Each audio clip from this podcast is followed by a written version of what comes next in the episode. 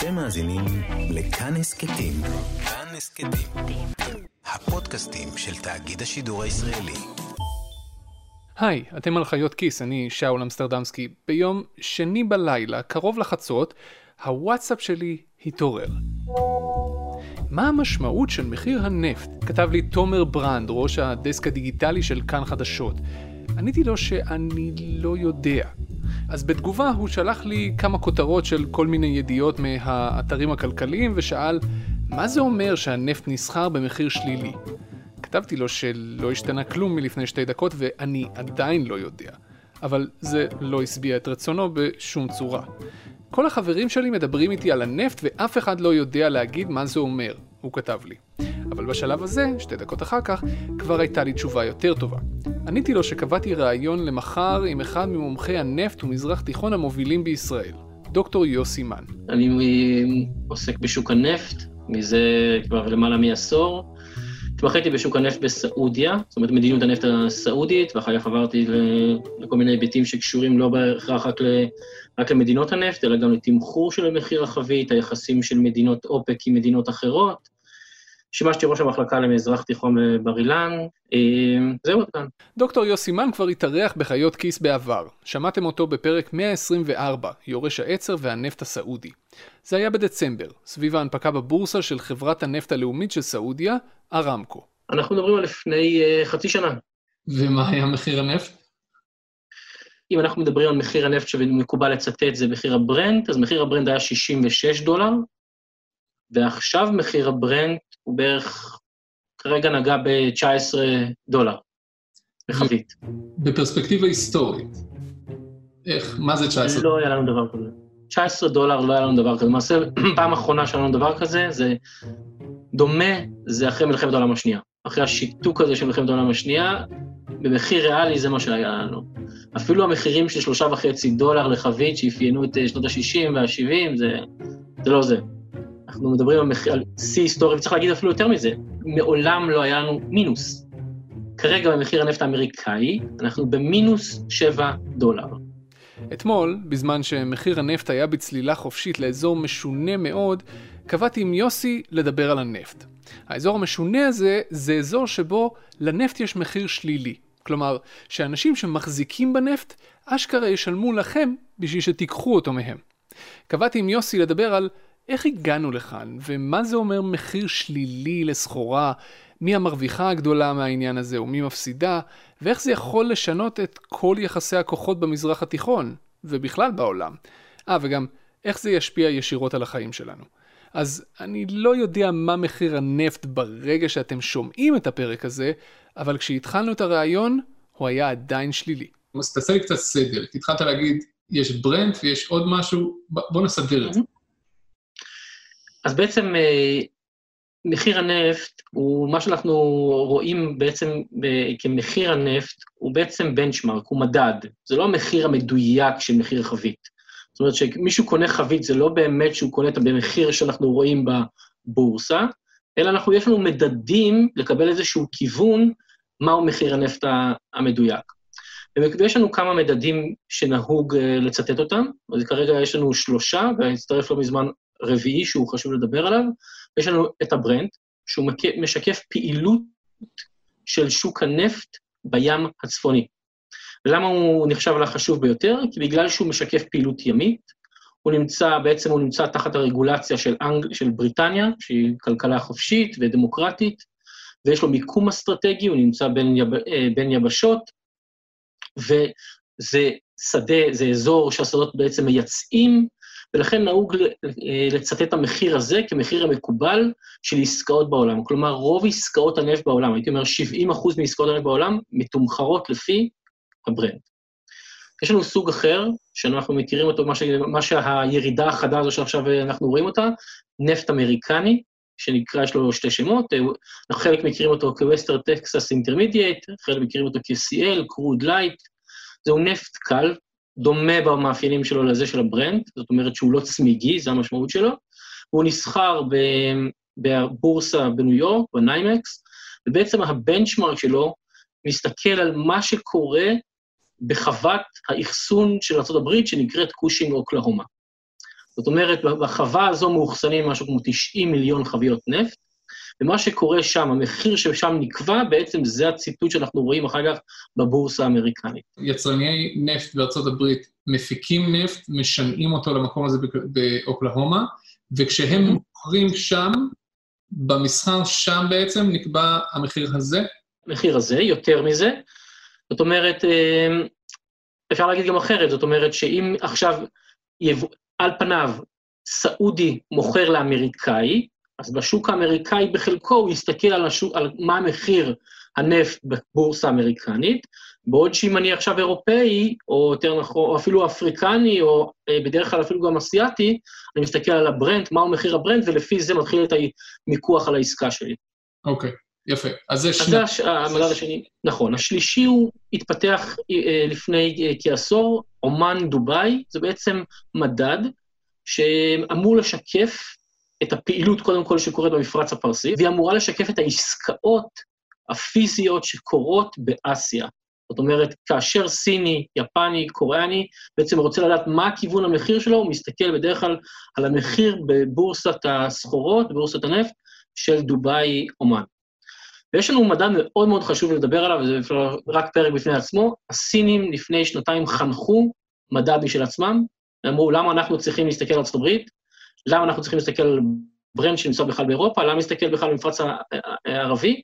למה שאנחנו לא נקים מדד שיהיה ביואן, ואז אנחנו בעצם, את כל המשוואה הזו של פטרו-דולר, זאת אומרת שאנחנו סוחרים בדולר ולא ביואן, אנחנו נשנה את כל המשוואה הזו, אנחנו נקבע את המחיר לפי הביקושים שלנו, זאת אומרת, לפי המאפיינים של הנפט שאנחנו צריכים.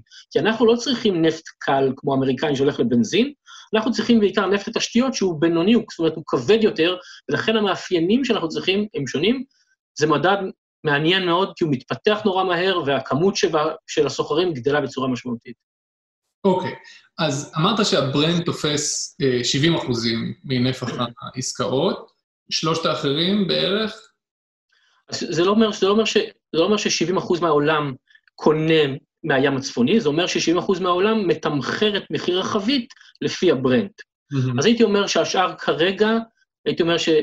25 אה, אחוז זה אה, הנפט האמריקני, ה-4 אחוז זה הסינים הצליחו לעלות בצורה משמעותית, והאחוז שלא צריך לזלזל בו זה עדיין אומן דובאי.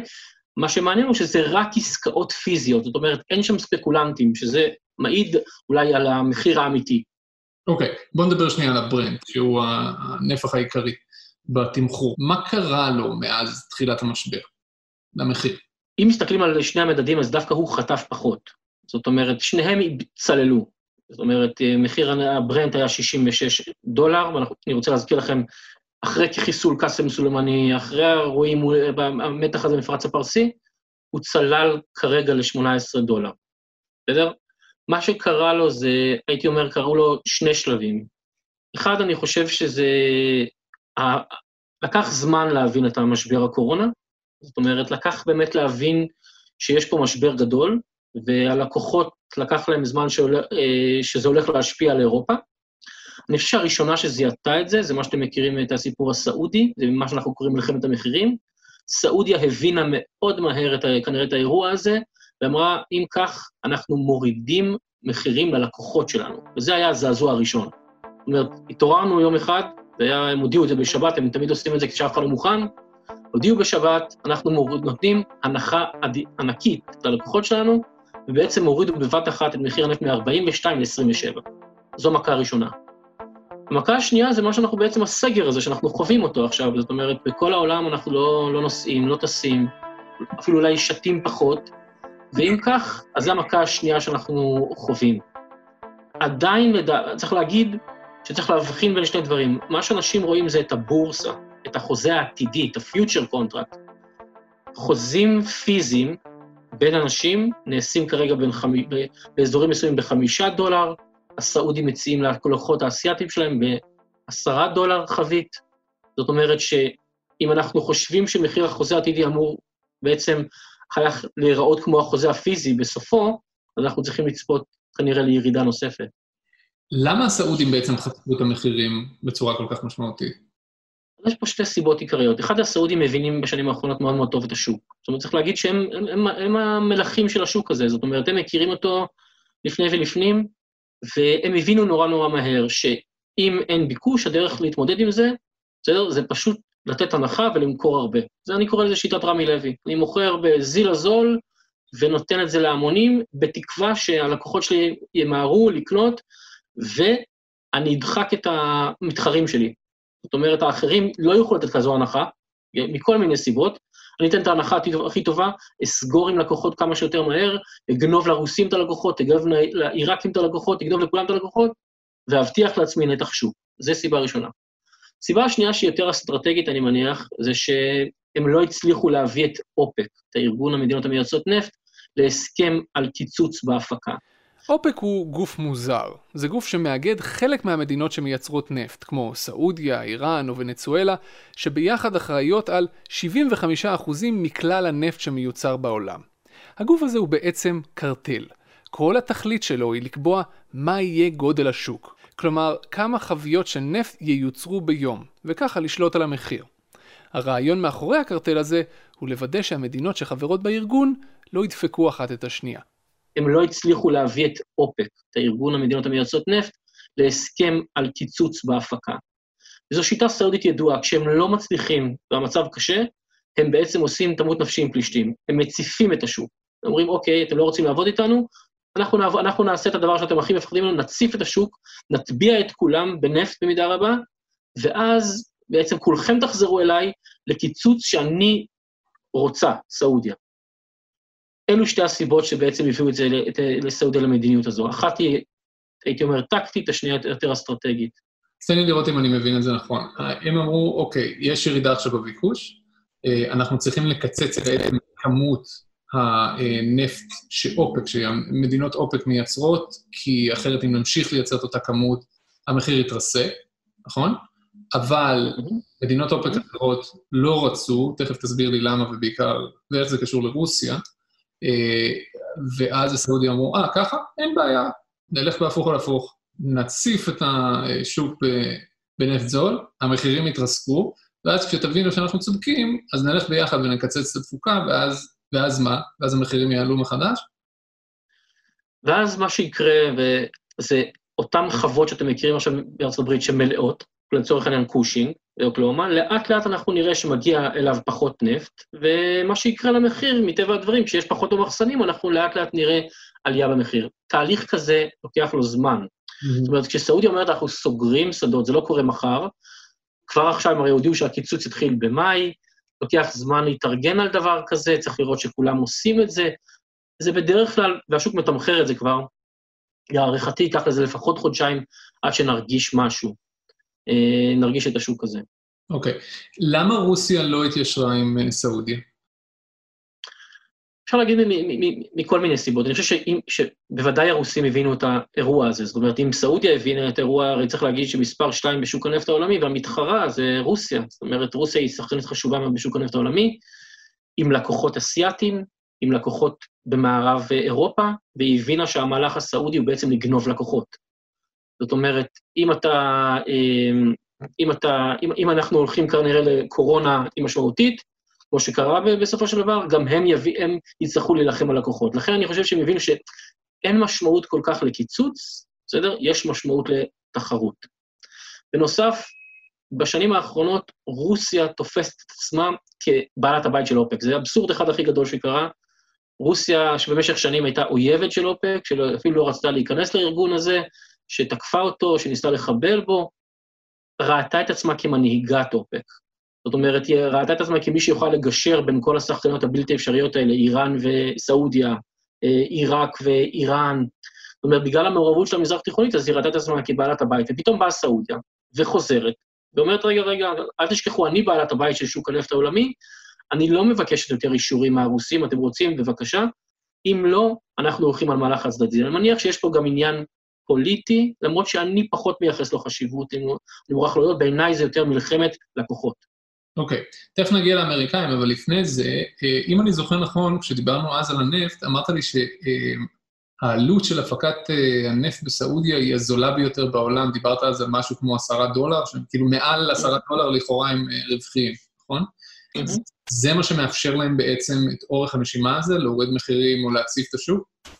בדיוק, זאת אומרת, אני רק אגיד שברוב, אני מדבר על ממוצע, אז כן. בשדות הזולים שלהם, גם אפשר, אנחנו מדברים, מתחת, אנחנו מדברים על 4.90 דולר, זה, זה העלות. אז זה מה שמאפשר להם, כן, את המרווח נשימה הזו, אז, וצריך לזכור עוד משהו, דבר נורא חשוב, אני מניח שאם סעודיה עשתה את המהלך הזה, היא גם גידרה את עצמה, זאת אומרת, היא ידעה לאן כיוון, לאן השוק הולך, והיא עשתה מהלכים פיננסיים כדי שהיא לא תיפגע מזה, אגב, כמו שמקסיקו עשתה את זה, זאת אומרת, מקסיקו כמדינה עושה את זה, היא מגנה על עצמה, אני מניח שהסעודים הגנו על עצמם. דבר נוסף, תזכרו שהסעודים גייסו כסף, שני טריליארד דולר, ויש להם מרווח נשימה הרבה יותר גדול, ומבחינתם זה אירוע בעיניי טקטי, זאת אומרת, הם אומרים, אוקיי, יש פה כמה חודשים קשים, שלושה חודשים, אבל ב long run אנחנו, אנחנו נקבל את מה שאנחנו רוצים. אז שווה לנו לרדת במחירים, כשאנחנו נסתכל בסוף שנה, אנחנו נקבל את מה שאנחנו רצינו. אוקיי, okay, אנחנו נחזור לגיאופוליטיקה המזרח-תיכונית, בואו נמדוד שנייה לארה"ב. ארה"ב בשנים האחרונות נהייתה בעצם יצואנית אה, נפט בנטו, זאת אומרת, היא מייצרת הרבה יותר, ויותר ממה שהיא מייבאת. נדמה לי שאמרת לי אז שהמחירים שלהם, של ה-break even הוא באזור ה-55 דולר חבית. אה, מה קורה בעצם כרגע, ברגע שהמחיר העולמי אה, מתחיל לצנוח? מה קורה לתעשיית הנפט האמריקאית? אז, אז אני הייתי אומר, הגבול הוא 35 דולר ליד 55, זה הגבול, זאת אומרת, הזולים ביותר הם 35 דולר לחבית, עד 55. מה שקורה שם זה ברור, זה פשיטת רגל. צריך להגיד את זה, זה פשוט פשיטת רגל. איך נראה את זה? אנחנו נראה את זה בסגירה שבועית של אסדות. יש דוח כזה, מי שרוצה יכול לעקוב אחריו, זו הדרך לבדוק מה קורה ואם השוק חוזר או לא.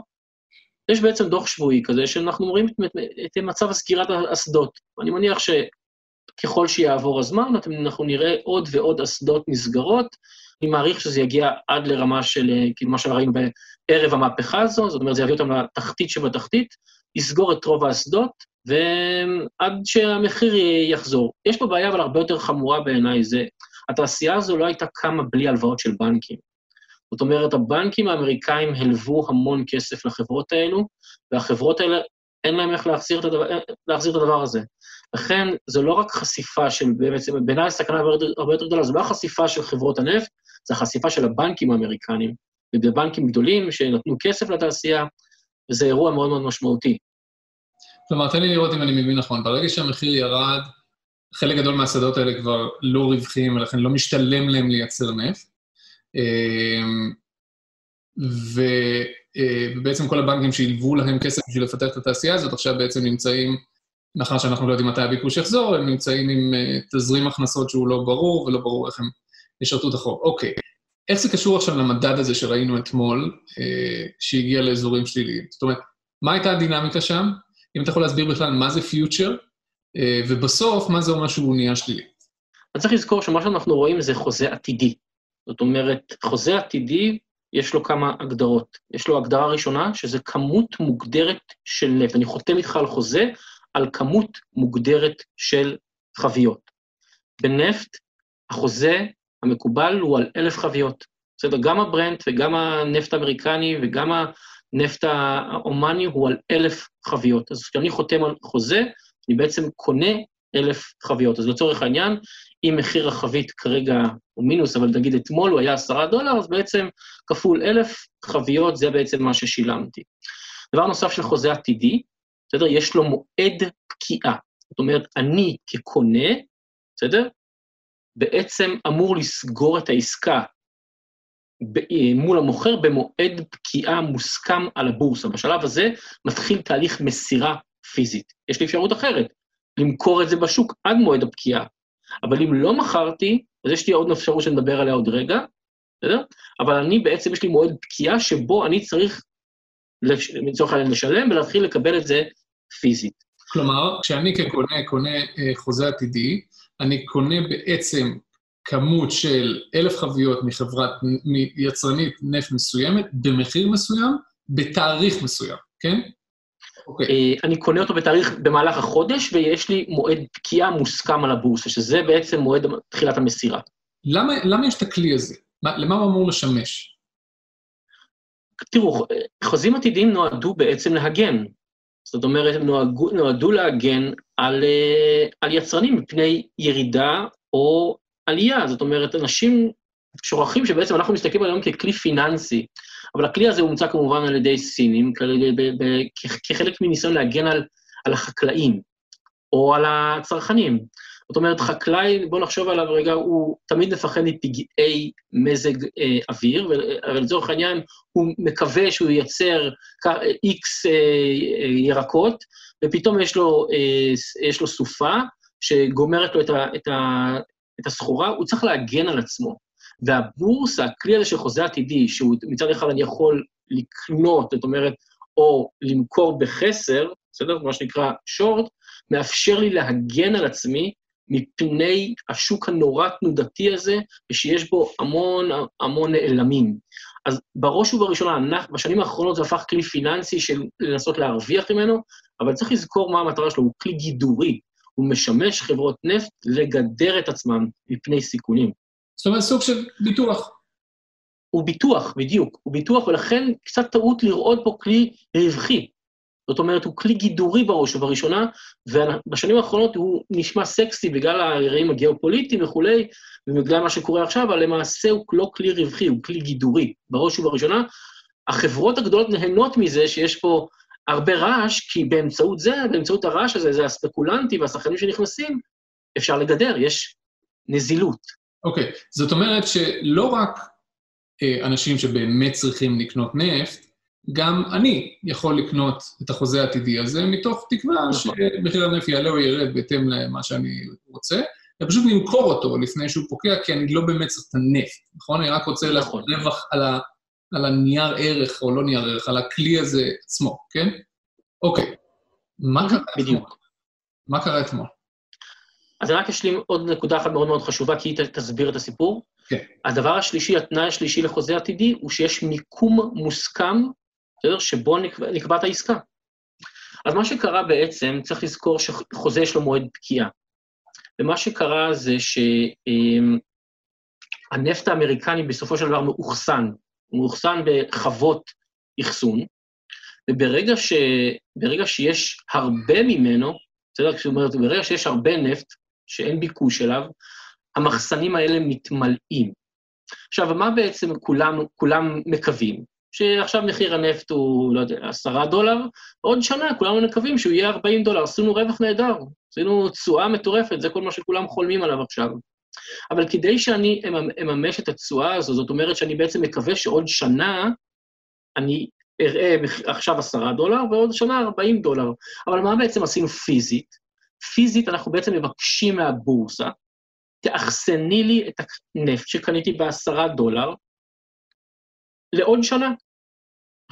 האחסון עולה כסף. Mm-hmm. עכשיו, בימים רגילים, המחסנים לא מלאים, כי יש ביקוש. ארה"ב עם היכולת, הצריכה שלה אדירה.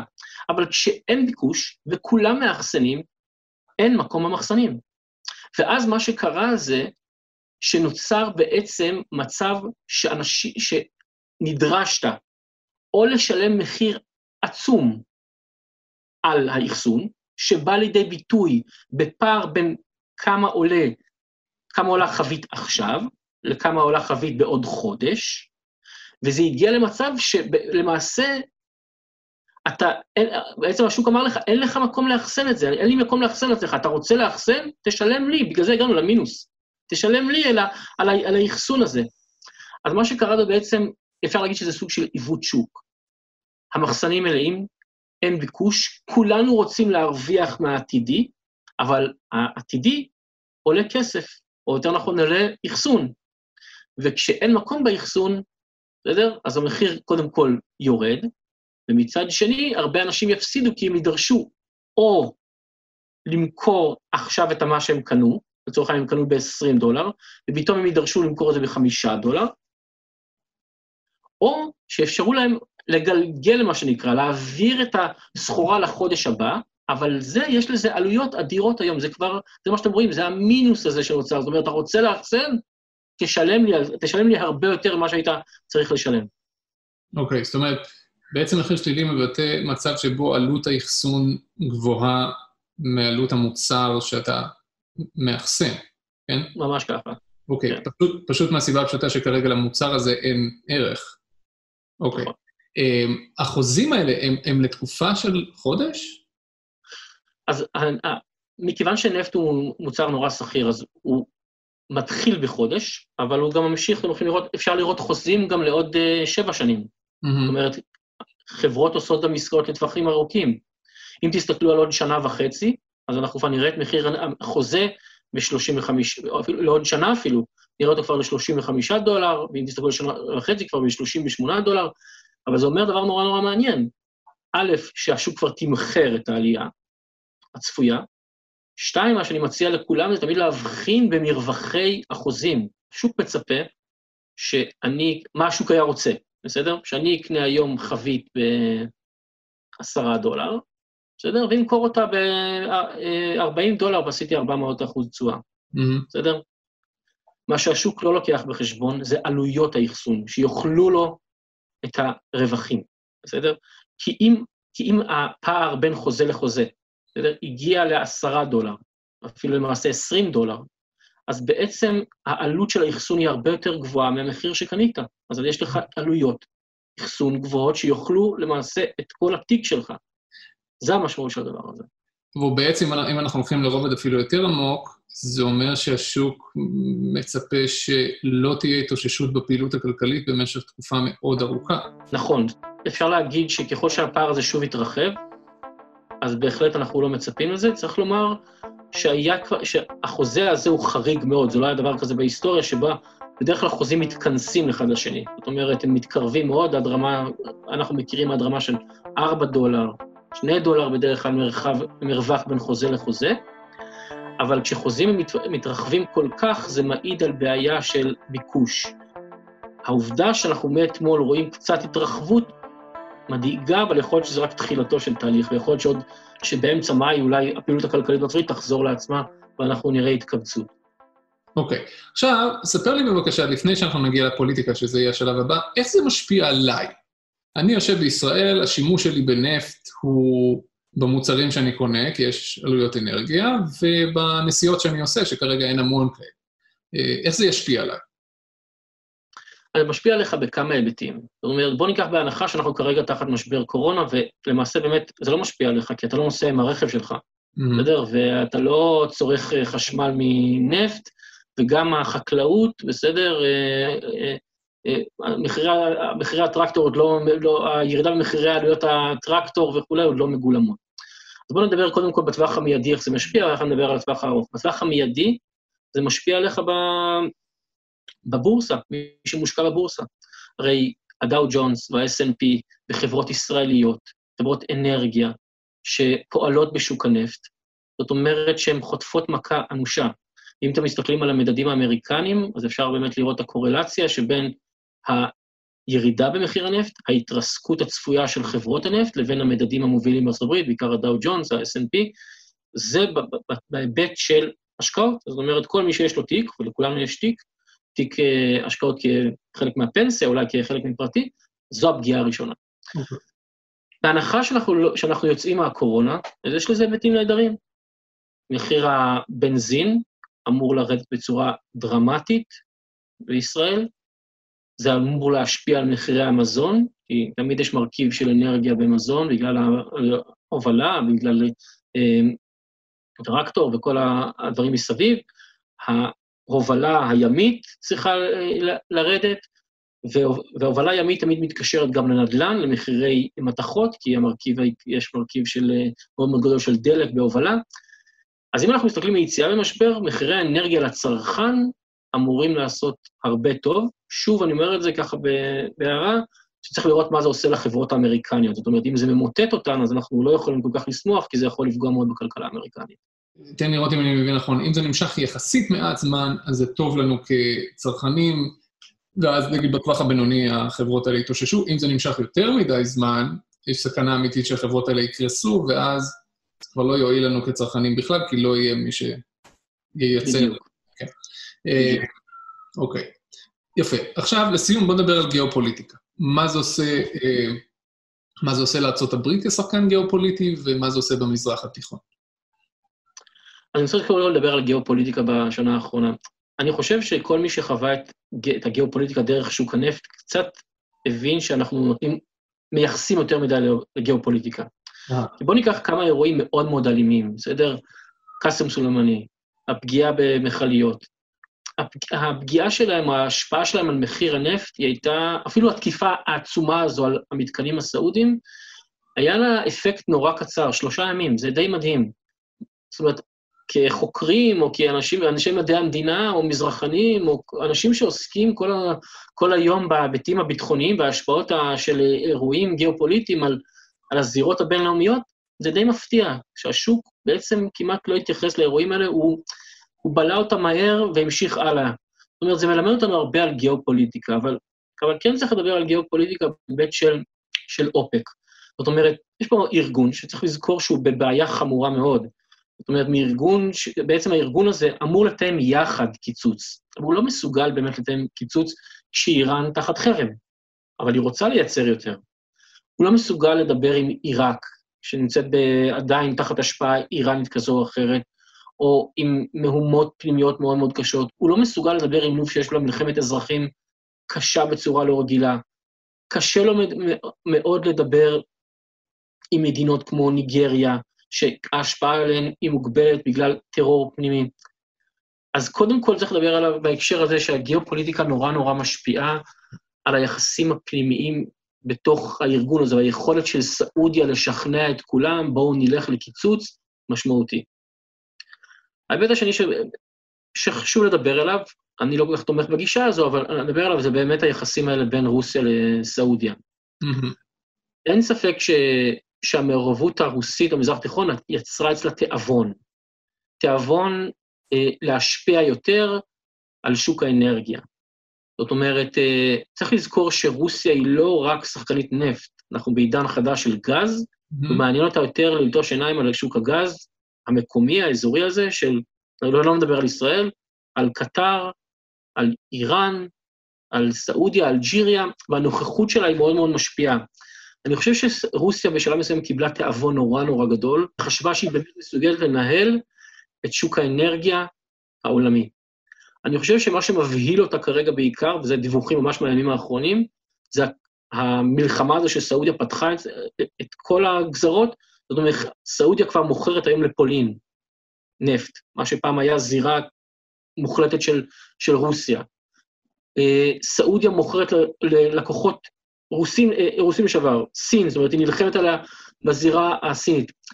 יש פה מלחמה אמיתית בין שתי המדינות האלו על מחירים. אבל צריך לדבר על עוד היבט אחד, זה מה זה יעשה למדינות מזרח תיכוניות. לי קשה להבין איך, איך אפשר להתקיים ממחירים כאלה. זאת אומרת, כל המזרח התיכון כולו, בסופו של דבר, נשען על שוק האנרגיה בצורה כזו או אחרת. והמועמדות הכי בעייתיות זה כמובן מצרים וירדן. כי קטר וכווית וסעודיה, יש להם גם רזרבות וגם בסופו של דבר הן יצואניות של נפט. מצרים היא בעיה יותר גדולה, אמנם היא יצואנית גם של גז וגם של אה, נפט, אבל גודל האוכלוסייה, והעובדה של תעלת סואץ תהיה פחות פעילה עכשיו, אם יש פחות ביקוש, היא איום גדול מאוד עליה. ירדן תהיה חשופה מאוד לעליית מחירי המזון, כי כל מדינה היום, כשיש קורונה, מתחילה לחשוב האם לייצא את החיטה שלה. כן. זה מה שרוסיה עושה, כן. כאקט אולי לחימתי. רוסיה אומרת, אתם לא הולכים איתנו בשוק הנפט, אנחנו כשחקנים חשובים בשוק החיטה, לא נייצא חיטה, נשמור את זה אצלנו במחסנים, ומזרח תיכון חשוף מאוד למחירי המזון, ולכן זה ההיבט הגיאופוליטי שהוא בעיניי מטריד יותר, מה יעשו מחירי המזון, וה, והעובדה שיש ביקוש יותר למזון למדינות המזרח התיכון, ואני רוצה להזכיר שאנחנו באמצע רמדאן, שזה שיא צריכת המזון. יפה, לא חשבתי שנוכל לסיים באווירה יותר מדכדכת, אבל הנה, הצלחנו. דוקטור יוסי מן, תודה רבה שדיברת איתי. תודה רבה לכם. ניפגש, שכולם יעשו תשואה ענקית אה, זה, ולפחות אה, יזמינו אותי לקפה ומאפה. סבבה. יוסי, תודה רבה. תודה רבה, בשמחה. הסיפור הזה עם הנפט הביא אותנו למקום קצת מוזר. מצד אחד, מחיר נפט זול הופך את החיים שלנו לזולים יותר. מוצרי מזון אמורים לעלות פחות כסף, התחבורה אמורה לעלות פחות כסף, פלסטיק אמור לעלות פחות, פגז. רק שבפועל זה לא בדיוק עובד ככה. מחיר נפט נמוך מדי הוא קצת כמו דיפלציה, כלומר ירידת מחירים, ההפך מאינפלציה. באופן שהפוך מהאינטואיציה שלנו, ירידת מחירים כללית היא לא דבר טוב. היא מעידה על כך שהמשק במיתון או בהאטה כלכלית. אנשים קונים פחות והביקוש יורד, מה שמוריד את המחירים כלפי מטה. אפשר לחשוב על מחיר הנפט הנמוך בתור סוג של מגדלור שמאותת לנו לאן הכלכלה הגלובלית נעה. הוא מאותת לנו שאנחנו מתקרבים לאזור מסוכן של מים גועשים, או סלעים גדולים, או כל דימוי ימי אחר שתבחרו. יש לנו עוד זמן להימנע מאסון, אבל לא נימנע ממנו, אנחנו עלולים להתרסק. כלומר, חברות אנרגיה יקרסו, הבנקים שהלוו להן כסף יהיו בסכנה, ויכולת ייצור הנפט הגלובלית תרד. בשלב מסוים זה יתאזן על שיווי משקל חדש, כלומר, על עולם עם פחות צריכה, פחות תחבורה ולכן גם פחות נפט. בעולם כזה יחסי הכוחות בין המדינות יהיו שונים לגמרי, אבל גם רמת החיים שלנו תהיה אחרת לגמרי. כל כך שונה שקצת קשה לנו לדמיין אותה אפילו.